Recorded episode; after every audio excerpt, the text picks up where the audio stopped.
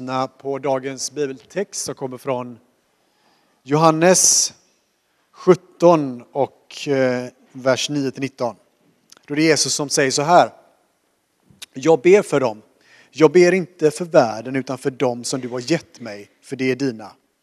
Allt mitt är ditt och allt ditt är mitt och jag är förhärligad i dem. Jag är inte längre kvar i världen men det är kvar i världen när jag går till dig.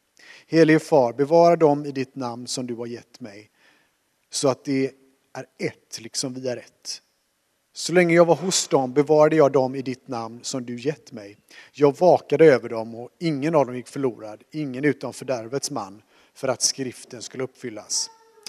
Nu kommer jag till dig och jag säger det här medan jag är kvar i världen för att deras hjärtan ska vara fyllda av min glädje.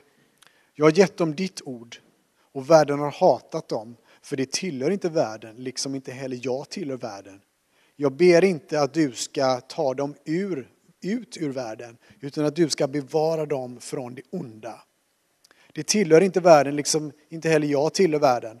Helga dem i sanningen, ditt ord är sanning. Så som du har sänt mig till världen så sänder jag, så har jag sänt dem till världen och jag helgar mig för dem för att också det ska vara helgade i sanning. Så lyder Herrens ord. Gud, vi tackar dig. Tackar dig att du bad för oss för 2000 år sedan. Du bad för vår enhet, du bad för vår helgelse, vår helighet, Herre. Och vi ber att denna vision som du bad om ska få förverkligas mer och mer i, den, i denna kyrkan här inne, Herre. I ditt namn ber vi. Amen. Ni kan sätta er ner. Är den på? Ja, bra. Gott. Eh, på 1800-talet fanns en predikant som hette Marcus Rainsford. Och när han skulle predika Johannes evangeliet så tog det 41 predikningar för att ta sig igenom Johannes evangeliets 17 kapitel som vi precis hört ett utdrag från. Och om man tycker det var mycket så gjorde Thomas Manton på 1600-talet 45 predikningar i rad bara på Johannes 17. Det finns djup i dessa sanningar som Jesus har sagt i dessa orden. Och det enda vi kan göra idag är doppa våra tår. Det är nästan som vi ska ta av våra skor för vi träder in på helig mark. Det här är ett makalöst kapitel. Vi har nämligen fått höra ett utdrag då Gud, Sonen, talar med Gud, Fadern. Gud talar med Gud och vi bjuds in till att tjuvlyssna på ett samtal som pågår inom den treenige guden. Och det visar sig att de talar om oss. Det här är en text där Jesus ber för oss. Och det är bara några timmar ifrån han ska arresteras för att vara en förrädare. Och vad är det Jesus prioriterar? Jo, han ber för oss. Han ber för kyrkan. Så här får vi en glimt av Jesu vision för kyrkan i den här världen. Och Jesus talar om kyrkans relation till världen. Och när han använder ordet världen, som är väldigt typiskt i Johannes evangeliet, så är världen, världen syftar inte på kosmos eller skapelsen, utan det är den värld som är i uppror mot Gud, den värld som insisterar på att vara sin egna herre, den värld som korsfäster Jesus. Det är ett system av värderingar som vill konkurrera med Guds vision för den här världen. Det är den värld som vill leva som om Gud inte finns. Och många kristna idag verkar tro att man kan följa Kristus på allvar utan att vara del av hans kyrka. Man kanske säger att man gillar Jesus, men man har svårt för hans kyrka. Eh, man säger att man följer Jesus i hjärtat. I en studie i USA så var det över 80 procent av kristna som sa att man kan följa Kristus utan problem utan att vara del av hans kyrka. Men om det allra sista han tänkte på, bad för, var kyrkan som han har kommit för att skapa, då kanske vi har mist någonting. Att, det här med kyrkan är ovärderligt. Det här är del av Guds plan, inte bara för oss, utan för den här världens skull. Kyrkan är nödvändig för oss, men också för den här världens skull. Och det är Jesus prioriteringar. Ni har kanske hört en vanlig kristen slogan som säger att vi ska leva i världen, men inte av världen. Just de orden finns inte exakt så fraserat i Bibeln, men konceptet kommer från Johannes eh, kapitel 17. Vers 15-16 säger till exempel, jag ber inte att du ska ta dem ut ur världen, utan att du ska bevara dem från den onda. Det tillhör inte världen, liksom inte heller jag tillhör världen. Och här finns alltid två diken för kyrkan. För det här är en predikan, vill jag bara säga, är för oss som en kyrka. Vad innebär att vara kyrka mitt i den här världen? Och det finns två diken. Det första diket är sekterism. Man försöker fly världen. Man är rädd för världen så man flyr till öknen. Man försöker så skydda sig från den här världen så man försöker isolera sig. Man bildar slutna grupper. Men rädsla är ingen kristen dygd. Trots allt är den inte ens med i Andens frukter. Motsatsen är kristna kallade till. Att inte vara av den här världen är inte samma sak som att fly från den här världen. Det är inte det exempel som Jesus själv visade oss. Och därför har kristna alltid ansett att de, de i en bemärkelse kallade att vara för den här världen på grund av att Kristus älskade denna världen och tjänade denna världen genom att ge sitt egna liv, så är vi kallade att gå hans fotspår. Därför har kristna haft de största bidragen inom utbildningar, sociala reformer, medicin, demokrati, mänskliga rättigheter, universitet, barnhem. Det är för att kristna har velat se den här världen blomstra. I den bemärkelsen är kristna för den här världen. För om kristna inte är involverade i Göteborg, bara inom våra små slutna grupper, då kommer det ge bilden för resten av världen att enda gången vi vill prata med dem är när vi vill rekrytera dem så vi kan få lite mer makt. Men det är inte kyrkans kall. Det är första diket. Det andra diket som jag kommer fokusera lite mer på, som är kanske lite vanligare i Sverige, är att man så vill bli del av den här världen. Man så vill smälta in i den här världen så man i slutändan inte kan skilja på kyrkan och världen. Och i slutändan kommer kyrkan inte alls vara imponerande när de försöker imitera världen, för världen kommer göra alla de grejerna mycket bättre än kyrkan. Kyrkan blir tom. Och jag är övertygad om att kyrkan idag står inför en svår utmaning, en tuff utmaning. Jag tror kristna i väst har en, en tuff utmaning att, att leva trofast till Kristus i det här sekulära värld vi lever i. Våra bröder och systrar i, i öst de förföljs för sin tro. Vi i väst vi, vi förföljs inte i, i den bemärkelsen, men jag tror vi förföljs i en annan bemärkelse som är på många sätt väldigt förförisk och väldigt lurig, som gör det svårt att vara kompromisslös med vår tro. Kyrkan tror jag känner ständigt ett hot att den måste anpassa sig, kompromissa, annars kommer den försvinna ur historien. För det luriga med det här sekulära samhälle vi lever i är att det ser ut att vara en vän till oss först. För den säger, ni får tro på Gud, det är lugnt. Men er tro är bara någonting ni har privat. Det är det ni gör hemma, ingen annanstans. Och Det bidrar till att vi delar upp våra liv, lite så här, vårt sekulära liv och sen lite där på söndagen kommer vårt kristna liv. Det är lite vår hobby, det här vi gör på söndagar, vår sociala klubb. Det är lite ett tillägg till hur vi funderar kring världen. Och tekniskt sett, vad är det som genomsyrar vår världssyn då? Jo, det är den sekulära världen. Och kristendomen är någon form av tillägg, en hobby.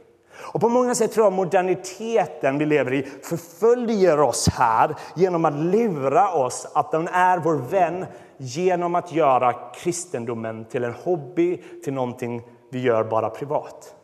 Och ständigt i den här tiden vi lever i så matas vi med intryck genom filmer, reklam, tv-spel, litteratur, köpcentrum, telefoner, sociala medier. Ständigt matas en annan vision för det goda livet.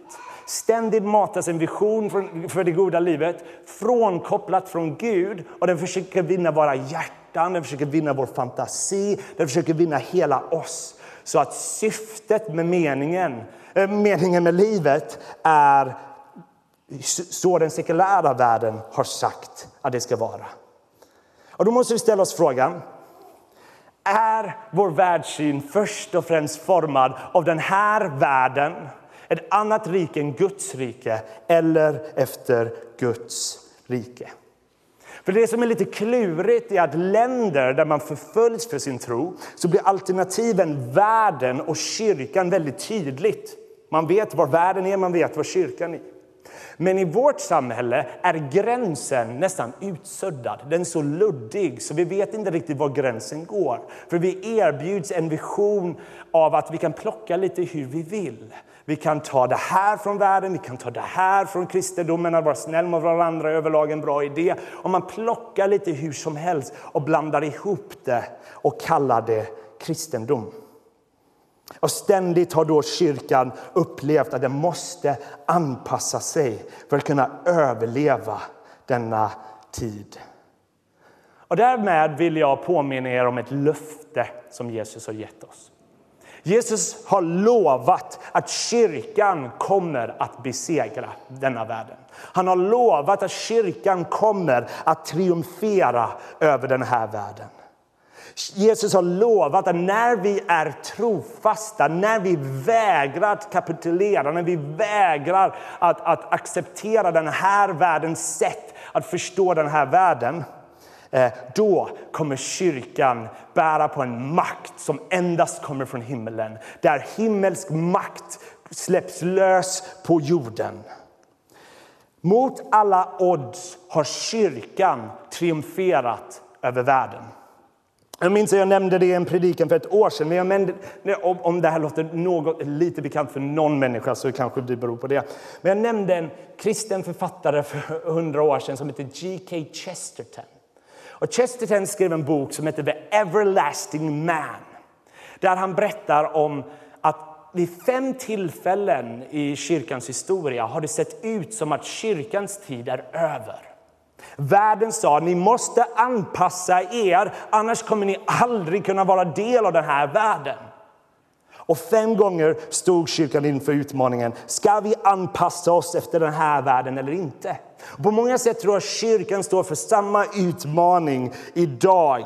Där kyrkan känner en enorm press att ge upp på sina läror om jungfrufödslar, om tomma gravar, uppståndelse, märklig sexualetik som, som är gamla värderingar som vi upplysta människor vet bättre om idag.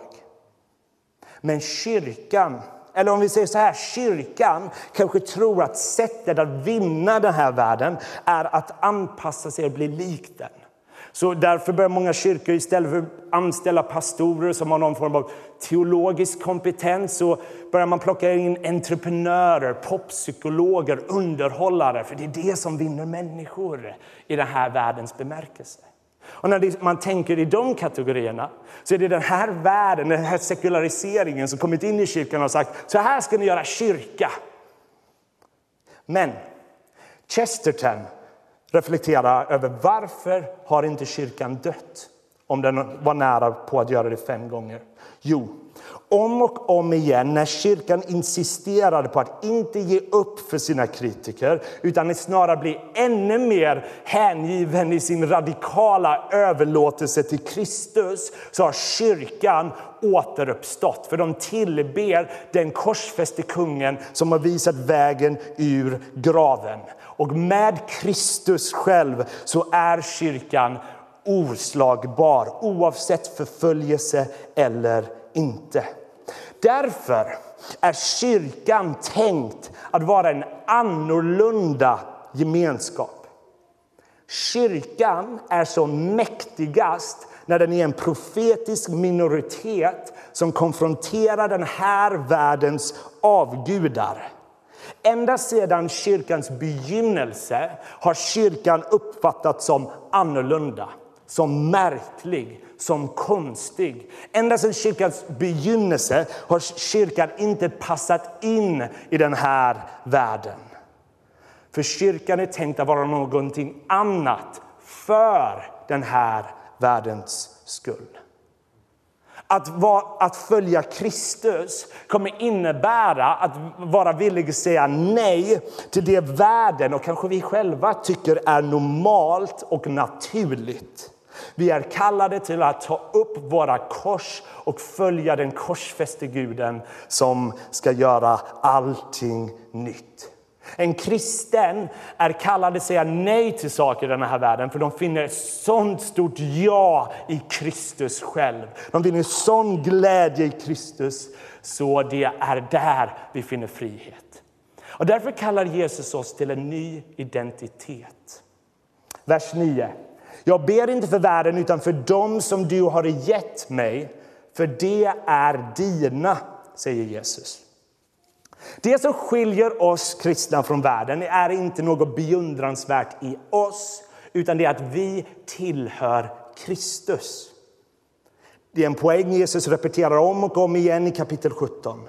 Vi är kallade till att tillhöra honom. I Första Korinthierbrevet 6 säger eh, Paulus dessa skandalösa ord. Ni tillhör inte er själva, ni är köpta till ett högt pris. Och det går emot hjärtat av vad det sekulära samhället försöker säga till oss. Det moderna samhället försöker säga att du tillhör endast dig själv.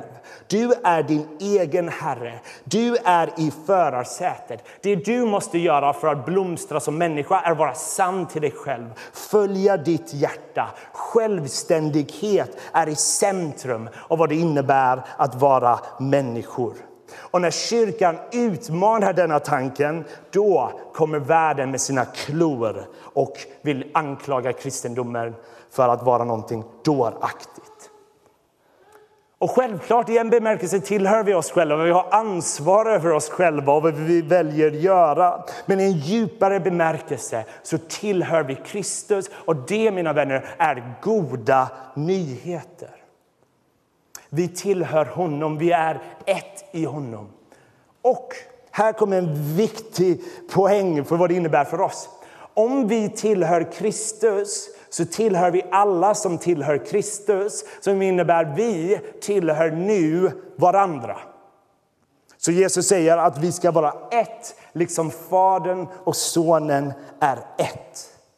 Vi är kallade till att vara en annan gemenskap, annorlunda gemenskap för den här världen. Vi kallar vara ett för den här världen.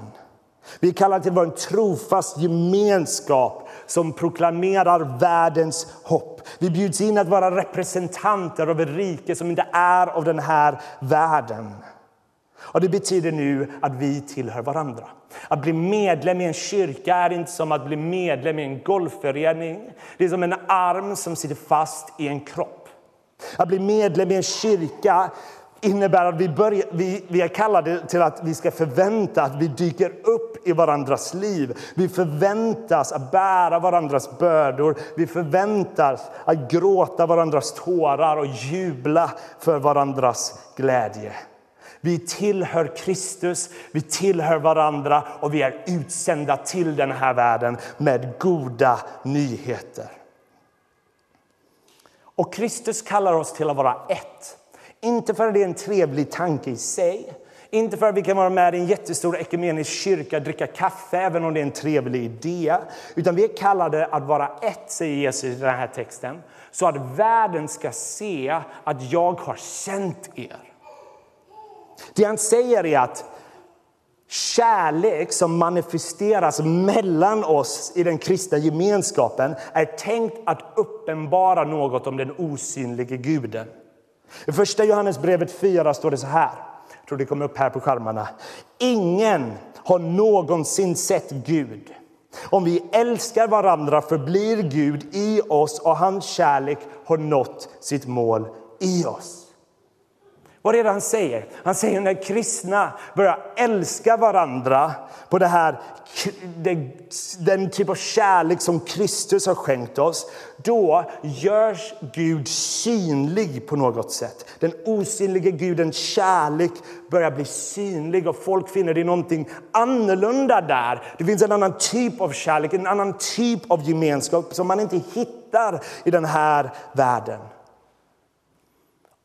Och om vi misslyckas att älska varandra, hur kommer vi någonsin kunna älska den här världen som Jesus älskar dog för? Och om vi känner en brist på förmåga att älska varandra, då är vi alla kallade tillsammans att gå mer och mer till fötterna av den korsfäste och söka hans kraft. För endast i en korsmärkt och andefylld gemenskap kan detta börja förkroppsligas. Jag finner stor glädje i den här kyrkan där jag känner de här banden börjar växa mer och mer. Och vi ska fortsätta söka den korsfäste och anden. För det verk jag upplever han gör mellan oss är övernaturligt och mäktigt. Och låt oss fortsätta. För vi är kallade till att vara en annan gemenskap för den här världen. Att det är någonting annorlunda. Och det är väldigt viktigt också när folk kommer till tro att de är välkomna till en riktig familj. Att det inte är symbolik. En text som har förföljt mig de senaste veckorna en text från Markus 10 som också kommer här uppe. Där det står så här. Petrus sa till honom, till Jesus, vi har lämnat allt och följt dig.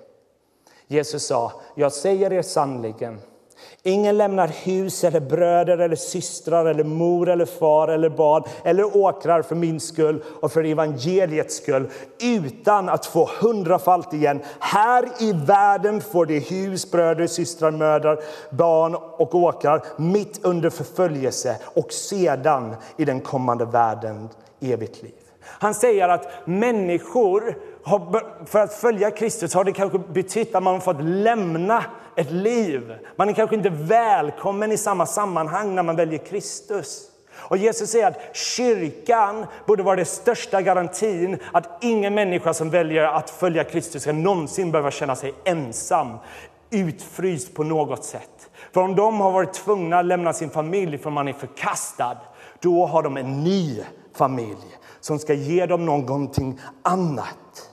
Människor kanske har lämnat ett liv där de först var älskade, ett liv de älskade. Men Kristus kallade dem att behöva säga nej till saker den här gruppen representerade, som gjort att de blivit förkastade. Men bland, i Kristi kyrka borde alla vara välkomna som bröder och systrar när man följer den uppståndne Jesus. Kyrkan borde vara den garanti där ingen kristen ska kunna vara ensam. Här i livet är kyrkan tänkt att vara en försmak av den gemenskap som skall komma. Det här är inte symbolik. När vi säger att vi är bröder och systrar så är det inte en symbolisk tanke, det är en verklighet. Vi är närmre varandra än kött och blod. Vi delar en och samma helig ande och en och samma himmelsk fader.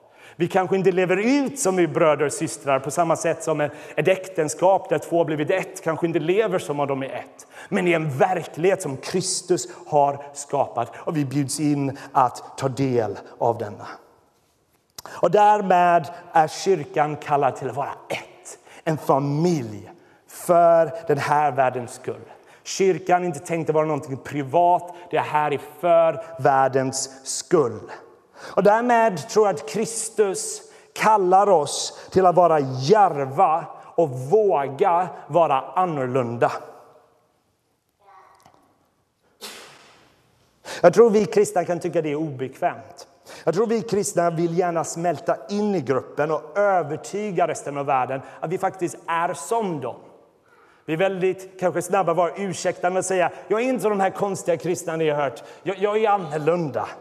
Och vi kanske till och med försökt sopa undan vissa grejer om kristendomens sanning, sopa undan dem under mattan och säga det finns inget att se här.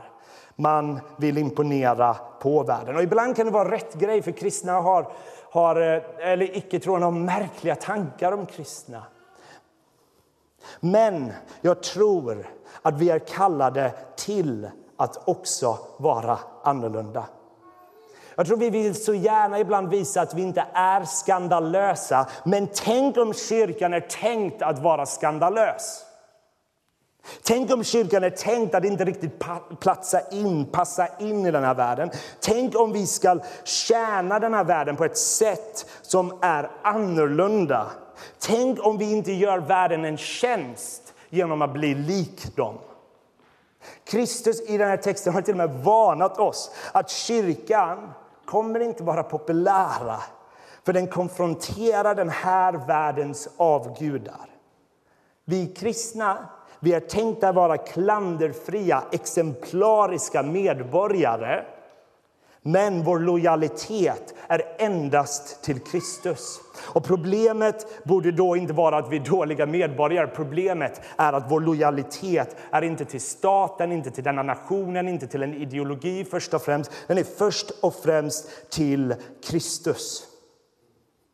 Vi är kallade till att utmana mörkret. Jag tror det är viktigt att minnas i valtider, speciellt idag. Det är viktigt att vi röstar. Det är viktigt att vi vill se den här världen blomstra. Det är viktigt att ta tag i såna här grejer. Men jag vill också påminna dig om att vi är kallade till att ha vår primära lojalitet till Kristus. Och när vi gör det så kommer staten alltid vara suspekta över kyrkan.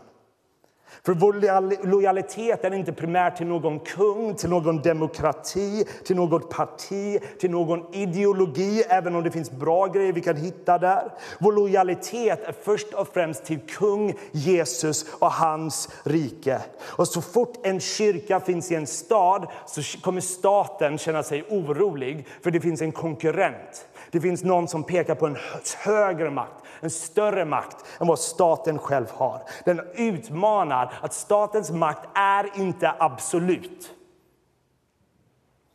Endast Kristus är. Och det gillar inte världen när vi väljer vår lojalitet till Kristus först. Den här världen vill att vi ska tro på en svag Jesus som bara är vår vän, som är sant men inte en som kräver vår lojalitet. Men det är inte den Kristus vi hör i Bibeln. Kristus älskar oss mer än så och han kallar oss till honom. Att bekänna honom som Herre och kung, för det är för vårt bästa och det är för den här världens skull. Så oavsett vad som händer i det här valet, oavsett om det händer saker som bidrar till mer oro eller bättre saker, så behöver vi inte vara rädda. Jesus sitter fortfarande på tronen. När kristna har förföljts av onda kungar så har de funnit tröst att Jesus har all makt på himmelen och på jorden. Kyrkan är som mäktigast när den inte har någon makt eller inflytande i riksdagen utan när den delar sitt vittnesbörd om den korsfäste kungen som är kung över allting. Så föreställ er ett folk som inte tror att ett politiskt val varken betyder världens frälsning eller världens undergång. Vi, mina vänner, Kristi kyrka, är del av ett folk som efter århundrade efter århundrade eh, är kallade till att leva fridfulla liv under Kristi herravälde mitt i den här världen. Oavsett om vi lever i ett kungarike eller en demokrati oavsett om vi lever under en tyrann som förföljer oss eller en barmhärtig ledare mitt i detta är vi kallade till förkroppsliga Guds liv, kärlek och frid för den här världen. Och Det betyder att vi både för världen, att vi vill se den blomstra, vi vill se dem träffa Kristus. Men det innebär också att vi konfronterar den här världen när den försöker leva som om Gud inte finns. Vi kallar det till att vara ett salt och ljus. Vi är kallade till att förvalta de mest djupgående och viktiga sanningar som den här världen behöver.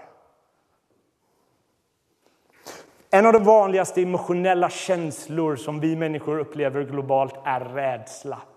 Men en av de vanligaste refrängerna i Bibeln är Var inte rädd. Vi tillhör han som har kontroll.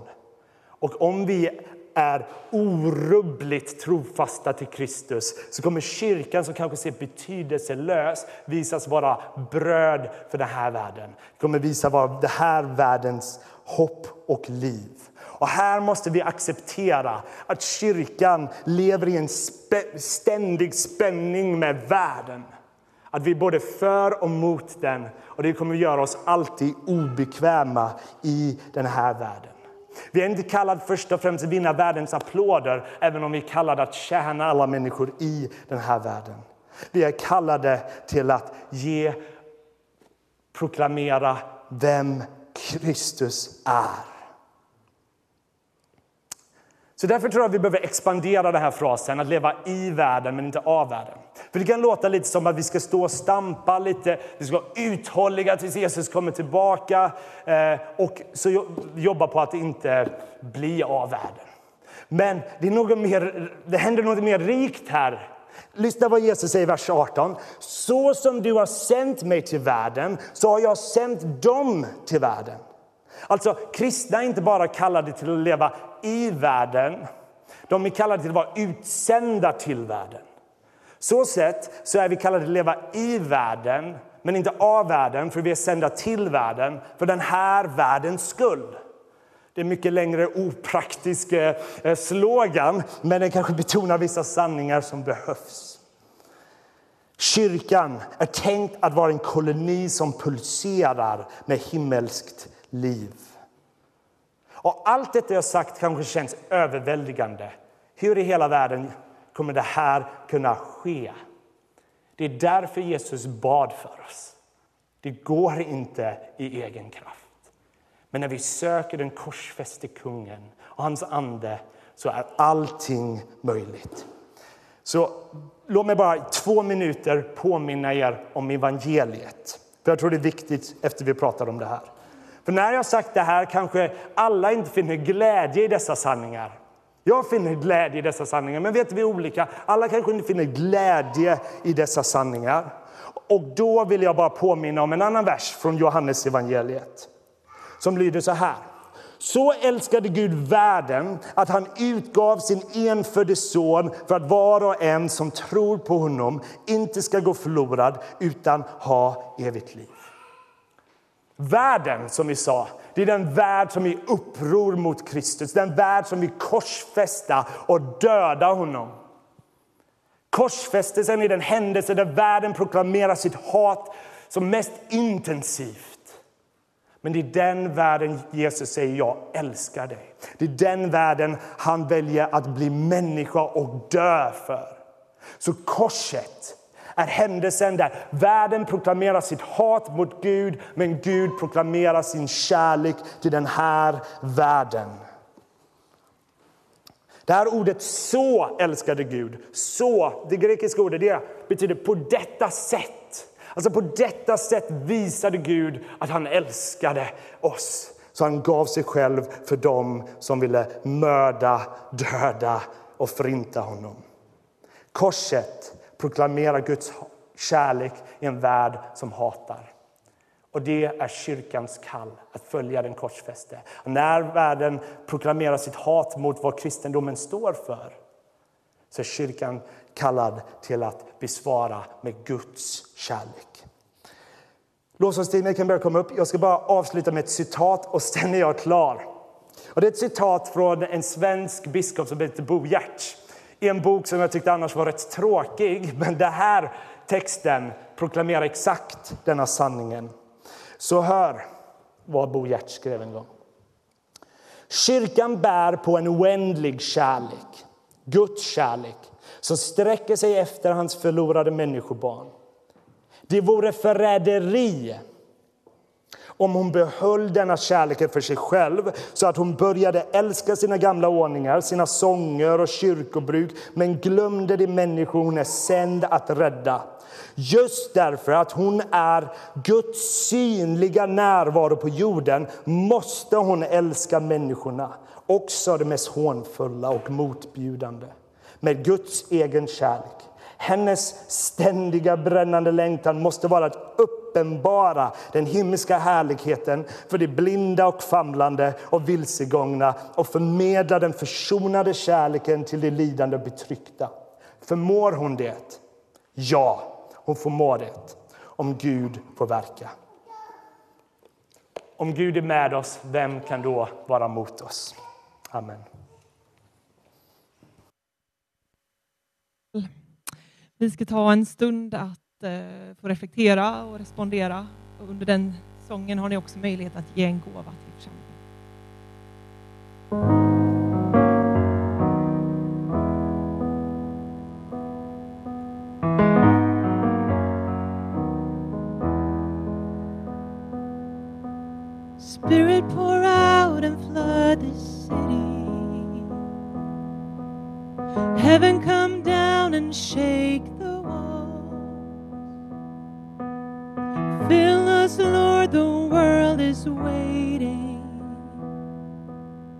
Father, let your kingdom come. Spirit, pour out and flood this city. Heaven come down and shake the walls. Fill us, Lord, of the world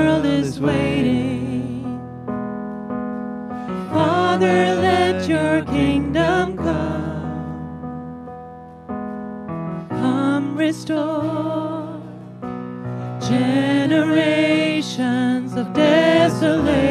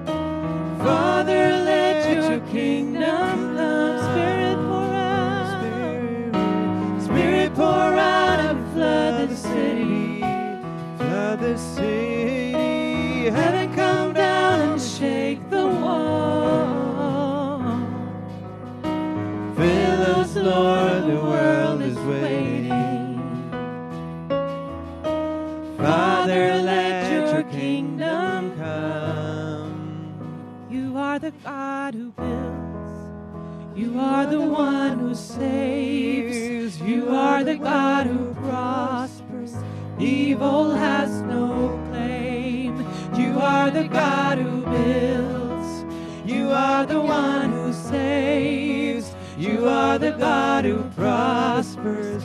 Fervently we pray. You are the God who builds. You are the one who saves. You are the God who prospers. Evil has no claim. You are the God who builds. You are the one who saves. You are the God who prospers. Fervently